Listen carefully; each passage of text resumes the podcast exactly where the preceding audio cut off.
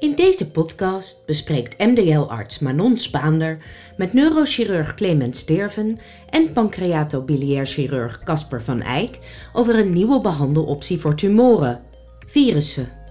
Aan bod komen onder andere hoe zij beide op dit idee zijn gekomen, het principe van de behandeling en de resultaten van de fase 1-2-studies bij glioblastomen en pancreastumoren. In uh, deze podcast uh, praat ik samen met uh, professor Clemens Dierven, neurochirurg en afdelingshoofd neurochirurgie van het Erasmus MC. En professor Casper van Hijk, pancreatobiliair chirurg, ook uit het Erasmus MC, over de virale behandeling als behandeling voor kanker. En ik denk, um, als we het hebben over systemische behandeling van kanker, dan denken we allemaal aan chemotherapie. En als we denken aan virussen, denken we aan infectieziektes. Maar Um, jullie hebben deze twee zaken met elkaar gekoppeld en eigenlijk de virussen juist ingezet voor de behandeling uh, van kanker. En wat natuurlijk denk ik ook wel heel opvallend is, dat jullie als beide chirurg hiermee bezig zijn. Um, dus Kasper, aan jou de vraag, hoe ben je überhaupt op het idee gekomen om dit, uh, dit te gaan doen? Nou, ik ben op het idee gekomen omdat ik twee patiënten had met bewezen alvleesklierkanker, die naast hun reguliere behandeling toch nog een opzienbarend lang tijd in leven bleven. En toen heb ik ze op de man afgevraagd, god, doen jullie ook nog iets extra's? En toen bleek de een een dierenarts en de andere een veehouder te zijn, die zichzelf behandelde met uh, een levend vaccin. En dat levend vaccin bestond uit het griepvirus, of uit het vogelpestgriepvirus. En uh, ja, toen ben ik daar eens ingedoken en toen bleek dat dat soort virussen worden ingezet ook als zogenaamd oncolytisch virus. En heb ik contact opgenomen met de afdeling virologie om te kijken of daar toch wel iets in zat. Uh, met name ook omdat natuurlijk voor alvleesklierkanker de systemische behandeling, zoals je dat zelf al noemde, ontzettend teleurstellend over het algemeen is. En op die manier ben ik het langzaam met hun gaan ontwikkelen. En hadden deze patiënten het nou bewust ingezet als een mogelijke behandeling voor hun alvleesklierkanker? Ja, zij hadden het bewust, uh, hadden zich zelf daarmee behandeld, met name vanwege het feit dat ze wisten dat dat uh, ook in landen als Taiwan, China, uh, India gewoon al wordt ingezet als behandeling tegen tumoren. Grappig. Eh, Clemens, jij zit even bij een heel ander orgaan, uh, iets hoger in het lichaam. Hoe ben jij dan hierin verzeld geraakt? Ja, via een hele andere weg. Voor hersentumoren geldt hetzelfde. Wat, Casper net zei, er is eigenlijk geen goede behandeling. We kunnen wel wat doen met chemo en bestraling, maar de resultaten zijn niet heel erg geweldig goed. De patiënten hebben maar korter leven. En in eind negentiger jaren kwam de gentherapie heel erg op. En gentherapie maakt gebruik van virussen die uh, zodanig veranderd zijn dat ze niet meer kunnen delen. Maar die worden dan gebruikt om uh, nieuwe genen zo'n kankercel in te smokkelen. En in die tijd was dat een heel veelbelovend iets. En zo kwam ik in aanraking eigenlijk met virussen die cellen kunnen infecteren. Destijds toch met een ander doel, namelijk om een ander gen naar die cel te smokkelen. Maar later zijn we toen eigenlijk toen eigenlijk op meerdere plekken in de wereld mensen begonnen in te zien dat zo'n virus zelf ook een celdodende werking heeft, uh, zijn we daarmee verder gegaan. En uh, nou, toen we hier, toen ik naar Rotterdam kwam, 15 jaar geleden, toen hadden we net een studie opgezet. Dat was de tweede in Europa met zo'n virus. En toen hebben we inderdaad een studie gedaan bij 20 patiënten. Uh, bij wie in een fase 1 onderzoek hebben we dat virus in de tumor gespoten. Ehm, met, met inderdaad uh, ja, wel een, goed resultaat. Uh, en hier in het kwam ik, liepen Casper en ik elkaar tegen het lijf en bleken we dezelfde interesse te hebben. En ook allebei te doen te hebben met een vorm van kanker die heel moeilijk te behandelen is. Ja, precies. Dat is ook een gemeenschappelijke deler, inderdaad. Uh, Casper, kan je iets uitleggen hoe het principe werkt van, die virusbehandeling? Want Clemens zegt het al, het is een beetje vorm van gentherapie, dat je dus blijkbaar iets de cel, kankercel in wilt hebben? Ja, ik heb me dat ook helemaal laten aanleren door met name de virologen. Maar het idee erachter is dat als je een normale virale infectie hebt, bijvoorbeeld een griepinfectie, dat, je, dat iedere cel een aangeboren immuunsysteem heeft.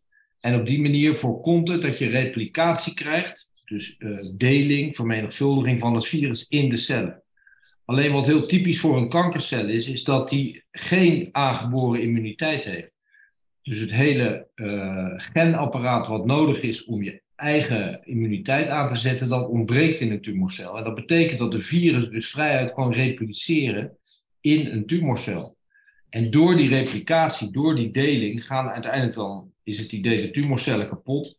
En geeft niet alleen het kapotgaan van die tumorcel, maar ook de aanwezigheid van het virus zelf nog eens een versterkte immuunreactie. En dat is natuurlijk ook wat je doorgaan wil. En is dit dan ook daadwerkelijk wat je hebt gezien bij die patiënten die je behandeld hebt met het virus bij de alvleesklierkanker? Nou, wij hebben met alvleesklierkanker hebben we nog geen behandeling aan patiënten gegeven. Ik denk dat je dat eerder aan Clemens zou moeten doen. Clemens, kan jij er iets over zeggen? Ja, nee, inderdaad, precies wat Casper zegt. Het, het, is enerzijds, toen we ermee begonnen, twintig jaar geleden, toen dachten we, we hebben dat virus nodig uh, om zich te vermenigvuldigen in die kankercel, waardoor die kankercel doodgaat. En dat is het principe. Maar wat later kwamen we er eigenlijk achter dat, dat dat de eerste stap van het proces is. De tweede stap is dat die aanwezigheid van het virus daar in die tumor ertoe leidt dat het immuunsysteem van uh, de patiënt geactiveerd wordt. Dat er dus allerlei immuuncellen op die tumor af gaan komen, getriggerd door dat virus daar. En die immuuncellen zijn dan al niet alleen gericht om dat virus op te ruimen, want dat is wat het lichaam wil natuurlijk, dat virus eruit werken. Maar die herkennen dan ook de abnormale antigenen, de neoantigenen, van de tumor, omdat een aantal van die tumorcellen al geliseerd is door, uh, door dat virus. Uh, en, en, en dan moet de stap 2 komen, namelijk de herkenning uh, dat, dat het immuunsysteem van de patiënt de abnormale eiwitten van de kankercellen gaat herkennen en een immuunreactie opwekt tegen tegen de, zijn eigen tumor. En dat zie je inderdaad in een paar patiënten gebeuren. Bij, bij ons hebben we dat in de studie die we gedaan hebben bij één patiënt heel duidelijk gezien. Helaas kunnen we dat nog niet bewijzen uh, in de zin dat we T-cellen kunnen isoleren uit het bloed die een specifieke antitumorreactie dat, gaat, dat heeft nog niemand gekund tot dusver. Maar we hebben wel heel duidelijk sterke aanwijzingen dat dit echt een immuungemedieerde respons is. Bij één patiënt bij ons is de tumor gewoon weg. En die patiënt die leeft acht jaar nadien nog steeds. En Ongelooflijk. voor een glioblastoom is dat uh, uniek. En dat niet alleen bij ons, dat is in meerdere studies die in de wereld gedaan zijn het geval. Dat, uh... Maar betekent het dan dat het een virus moet zijn die je al hebt doorgemaakt en waarop je immuunrespons uh, hebt? Of kunnen het ook echt virussen zijn die, waarbij je nog niet eerder in aanraking bent geweest? Het is een hele goede vraag van je. Een hele ingewikkelde ook, daar zijn we nog niet helemaal over uit. Uh, aanvankelijk dacht men dat je een virus moet gebruiken waar je nog geen uh, tegen hebt, omdat dan jouw immuunsysteem lekker in actie komt. Maar nu bij de laatste studies is gebleken dat dat toch eigenlijk niet uitmaakt. Sterker nog, dat je misschien wel beter een virus kunt gebruiken waar, wat je immuunsysteem al kent. Maar helemaal duidelijk is dit nog niet. Nee. En hoe ziek was je ervan? Of hoe ziek werden de patiënten ervan die je behandeld had? Bijna niet, eigenlijk. Eh, dat ligt natuurlijk aan de dosering die je geeft. Je moet altijd wel even zoeken naar de goede dosering. Als je te hoog gaat, dan kan je toch wel een flinke koorts. Ja, nou, zoals je, zoals je ziek wordt van een griep, kan je hier ook ziek van worden. Maar dat viel eigenlijk ontzettend mee bij deze patiënten. Nou, mooi om te horen. Casper, je zei met alvleesklierkanker nog niet uh, in, in behandeling. Waar staat dat nu uh, qua onderzoek? Het is zo dat we nu de virussen uh, gaan maken in ons eigen laboratorium. We hebben een eigen productiefaciliteit. Die productiefaciliteit die is uitvoerig gekeurd zeg maar, door de Inspectie voor Volksgezondheid. En die hebben nu definitief toegestemd dat we die virussen kunnen gaan maken. Dus dat wil zeggen dat we een, een batch uh, kunnen gaan maken om de virussen uh, uiteindelijk te kunnen gaan testen aan het einde van dit jaar op de patiënten. En, naar welke, en wat voor virussen maak je dan? Of waar we het net met claims over. Hè? Moeten het dan bekende virussen zijn of onbekende virussen? Um, nou, wij maken gebruik van het NDV, het Newcastle Disease Virus. En dat is een virus wat uh, in principe de mensheid niet kent. Um, en dat betekent dat het voor de patiënten zeg maar, een heel nieuw virus is. Dus dat er in principe nog geen immuniteit is tegen dat virus. Heb je dan het gevoel dat je denkt dat het dus dan inderdaad beter gaat werken? Nou ja, dat is ook, ook weer wat Clemens net zei. We weten dat nog niet helemaal zeker. Maar we hebben het idee dat het mogelijk zo is dat wanneer je een virus niet kent, dat je daar toch een verhoogde immuunrespons krijgt.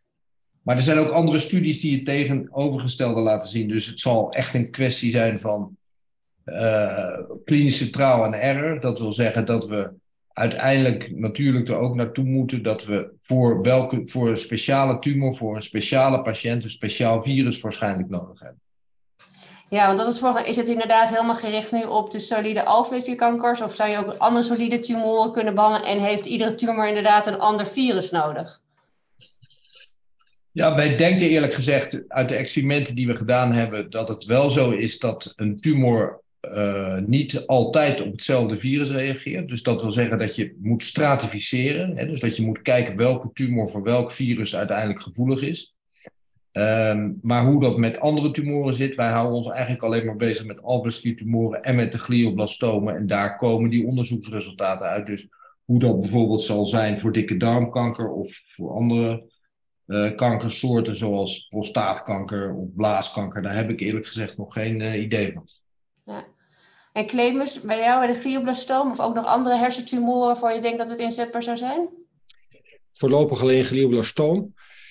En even inderdaad in, op, volgend op hè, wat, we het net over hadden, of wat Casper ook zei. We hebben in ons laboratorium wel duidelijke aanwijzingen dat je meerdere virussen nodig hebt. Dat niet alle glioblastomen reageren op één type virus. Nou zijn er in de wereld ook al nou, een stuk of acht soorten virussen variërend van mazelenvirus tot verkoudheidsvirus tot herpesvirussen, uh, getest in fase 1 en 2 studies. En uh, wat je eigenlijk ziet bij al die studies is dat uh, een klein aantal patiënten heel goed reageert. Iets tussen de 15 en de 20 procent, wat best veel is. Veel, ja. voor een fase 1. Meestal is het rond de 10, 15 procent. Het, lijkt dus wat meer dan bij klassieke chemotherapie-studies.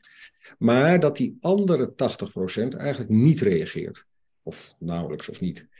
En daar zit dus waarschijnlijk een, nog een grote vraag onder. Uh, uh, waarom dan bij dat kleine deel van de patiënten dat immuunsysteem zo goed geactiveerd wordt en bij die andere 80% niet? In het laboratorium zien we nu dat als je heel veel tumorsamples van verschillende patiënten test, dat uh, een aantal van die uh, tumor, tumorsamples helemaal niet reageren op het virus, maar wel weer op een andere. Dus je zou idealiter zou je eigenlijk drie of vier virussen op de plank willen hebben. Tevoren bij de patiënt testen welk van die virussen levert nou echt een goede reactie op, op de immuuncel en het immuunsysteem. En dan dat virus aan die patiënt geven. Dat is eigenlijk waar we naartoe willen in de toekomst. Ja, en zoals we bij chemotherapie eerste lijns, tweede lijns hebben, zou dat ook nog iets zijn qua virussen? Dat je elke keer sequentieel een ander virus van de plank zou halen? Dat is nog te ver weg, denk ik, om daar iets over te zeggen. Wat we wel denken is dat je het virus niet één keer, maar meerdere keren moet geven. Er is nu net afgelopen jaar wel een opzienbarende studie in Japan gedaan, fase 1-2 bij glioblastoom waarbij ze voor het eerst het virus niet eenmalig hebben gegeven, rechtstreeks in de tumor, maar uh, vier keer, om de vier weken, telkens weer een injectie in die tumor. En daar zie je, die resultaten waren zo goed, dat daar dat virus nu toegelaten is tot de markt als medicijn. En nu meer en meer patiënten uh, all over the world, ook hier in Nederland, die, die kennis die lekt nu, die zijpelt door, ja. vragen daar nu ook om. Ik wil naar Japan, naar Tokio, daar behandeld worden. Maar ja, dat is natuurlijk niet zo makkelijk. Maar dat is waar wij met, uh, nou, waar Kasper het over dat, dat NDV-virus, wat we hier in het Erasmuszaal uh, kweken uh, zijn, daar willen we graag met glioblastoom ook zo'n studie mee doen. En het dan twee keer of misschien nog vaker gaan geven aan die patiënt. Ja, en is er toch een verschil of patiënten voorbehandeld zijn met radiotherapie of chemotherapie en het effect op die virussen? Weten we niet goed, denk ik nog. Dus is nog onbekend, denk ik. Ja. Wat denk jij, Casper, is nu de volgende stap uh, ten aanzien van het onderzoek? Uh... Nou, stap 1 voor ons is natuurlijk om te kijken naar de veiligheid en, de, uh, en of het ook haalbaar is. Hè? Met andere woorden, dat is gewoon een fase 1-studie. Dat koppelen we dan meteen aan een fase 2-studie om te kijken of er toch tekenen zijn van, van, van respons. En dat is dan met name immuunrespons. En de, de, volgende stap is waarschijnlijk dat we dan de virus gaan combineren ook met uh, checkpoint inhibitors, dus met immunotherapie. Om te kijken of we daarmee het effect, en met name het immunologisch effect, nog verder kunnen verbeteren. Dat zouden de eerste stappen zijn. En dan is ook de, de, theorie, dus toch die, die meerdere malen het toebrengen van het, uh, van het virus om te kijken wat de optimale dosis is uh, en, en, daarmee het effect. Absoluut, ja. Want inderdaad, met die nieuwe immunotherapie is het natuurlijk zeer interessant uh, om te kijken of dat dan een betere respons zal geven. Terwijl aan de andere kant kan je zeggen, slaat niet je immuunrespons, dus daarmee, hoe, wat is het effect van de immuunrespons op die virussen? Exact, dat is, dat is precies wat we gaan doen. Ja, ja heel interessant. Um, wat ik nog heel benieuwd was, um, zijn er nog zaken die jullie kwijt willen over deze behand uh, behandeling, Casper, um, met jou te beginnen? Nou, het, wat heel belangrijk is, is dat het dus nog heel erg uh, zeg maar in de kinderschoenen staat. En, en dat weet iedereen natuurlijk wel, maar de patiënten over het algemeen niet. Is dat je natuurlijk toch aan bepaalde criteria moet voldoen om daadwerkelijk ook voor deze uh, fase 1-2 studies in aanmerking te komen. Ik denk dat dat heel belangrijk is, dat we dat uitdragen. En dat we ook uitdragen dat het echt gewoon nog een, een onderzoeksstudie uh, is. He, dus dat het echt nog niet zo is dat we het al, al helemaal inzetten als een behandeling, omdat we gevonden hebben dat het allemaal zo goed werkt. Het is gewoon heel belangrijk om enerzijds, wat ik zei, de veiligheid te onderzoeken. En ja. anderzijds ook om te kijken of het conceptueel, of het klopt, met andere woorden, of het daadwerkelijk zo is, dat je celdood krijgt, dat je immuunactivatie krijgt, et cetera, et cetera. En dat moeten we echt allemaal in een klinische setting nog helemaal gaan uitzoeken. Ja, en Clemens, geldt dat voor jou ook? Ja, ik sluit me helemaal aan bij wat Casper zegt. Ik denk dat uh, we hebben natuurlijk al wat uh, media-aandacht gehad uh, hierover. daarbij is denk ik inderdaad heel belangrijk om op te merken dat die behandeling nu nog niet standaard gegeven wordt. Het is echt nog allemaal in de experimentele setting. En dat betekent dat het uh, in, in, in, in studieverband alleen kan. Inderdaad, ja. dus niet iedere patiënt daarvoor in aanmerking komt. Je moet gewoon in een hele goede conditie zijn. Je moet zo'n behandeling aankunnen. Je moet voldoen aan bepaalde criteria, zodat we ook kunnen volgen en meten wat er, gaat, wat er gebeurt als we dat virus gegeven hebben. Anders mogen we het ook niet toedienen. Vanwege medisch-ethische normen die we met z'n allen hanteren. Uh, en, en dat is inderdaad soms nog wel eens lastig om uh, aan patiënten dat duidelijk te maken. Maar goed, bij deze communiceren we dat dan nog een keertje. Het is echt experimenteel in studieverband. En voor glioblastoom hopen we nou, in 2023 gaat dat niet meer lukken, maar hopelijk wel in 2024. Ja, nee, belangrijke kanttekening inderdaad, om ook de, de plek in nog te bepalen. Maar het, uh, wat ik er heel inspirerend uh, eigenlijk aan vind, is toch de out-of-the-box denken van deze behandelingen. Iets wat je ziet als een virus, als een nadelig effect, uh, die nu wordt ingezet voor een heel gunstig effect. En nogmaals, dat jullie als twee chirurgen hiermee aan, aan de slag gaan. Dus um, mijn allerlaatste vraag die ik nog heel graag kwijt uh, wil is, um, en dan begin ik even met jou Casper. Wat zou jij um, de jonge dokters willen um, meegeven, juist omdat je breder hebt gekeken dan je eigen vakgebied? Nou, wat, wat ik zou willen meegeven is dat het heel belangrijk is dat je niet alleen maar naar grote series patiënten kijkt, maar dat je ook naar individuele gevallen kijkt. En daar bedoel ik mee te zeggen dat er soms gevallen zijn die een uh, resultaat van behandeling laat zien die je misschien helemaal niet verwacht hebt. En dat je daar toch in moet duiken hoe dat dan kan. En dat je dat niet als een eenmalig iets ziet, maar dat je probeert te achterhalen of meerdere patiënten daar uiteindelijk ook iets aan kunnen hebben. En dat zijn denk ik gewoon hele belangrijke aspecten van, van, ja, van, de, van, van oncologische behandelaars. Dat je ook probeert inzicht te krijgen in individuele succesgevallen in individuele long-term survivors, om te kijken of je daar uiteindelijk iets van kan leren, waar uiteindelijk toekomstige patiënten ook wat van aan hebben. Ja, mooi. Clemens, wat zou jij nog willen meegeven? Nou, eigenlijk een, een beetje in dezelfde lijn. Onze vakken worden allemaal zo hyperspecialistisch en uh, daarmee worden we heel goed, denk ik, uh, als academisch opgeleide dokters, maar in een heel klein gebiedje. Maar om werkelijk verder te komen, moet je toch uh, kennis op andere terreinen uh, je ogen voor uh, open houden en dat proberen te combineren. Ik bedoel, ik, ik, ben, ik ben ook geen viroloog en heb geen, niet heel veel verstand van virussen. Maar daarvoor hebben we de viroloog nodig. En die moet je, je moet zo'n, zulke mensen bij elkaar zetten in een onderzoeksgroep. Dus je moet het samen doen.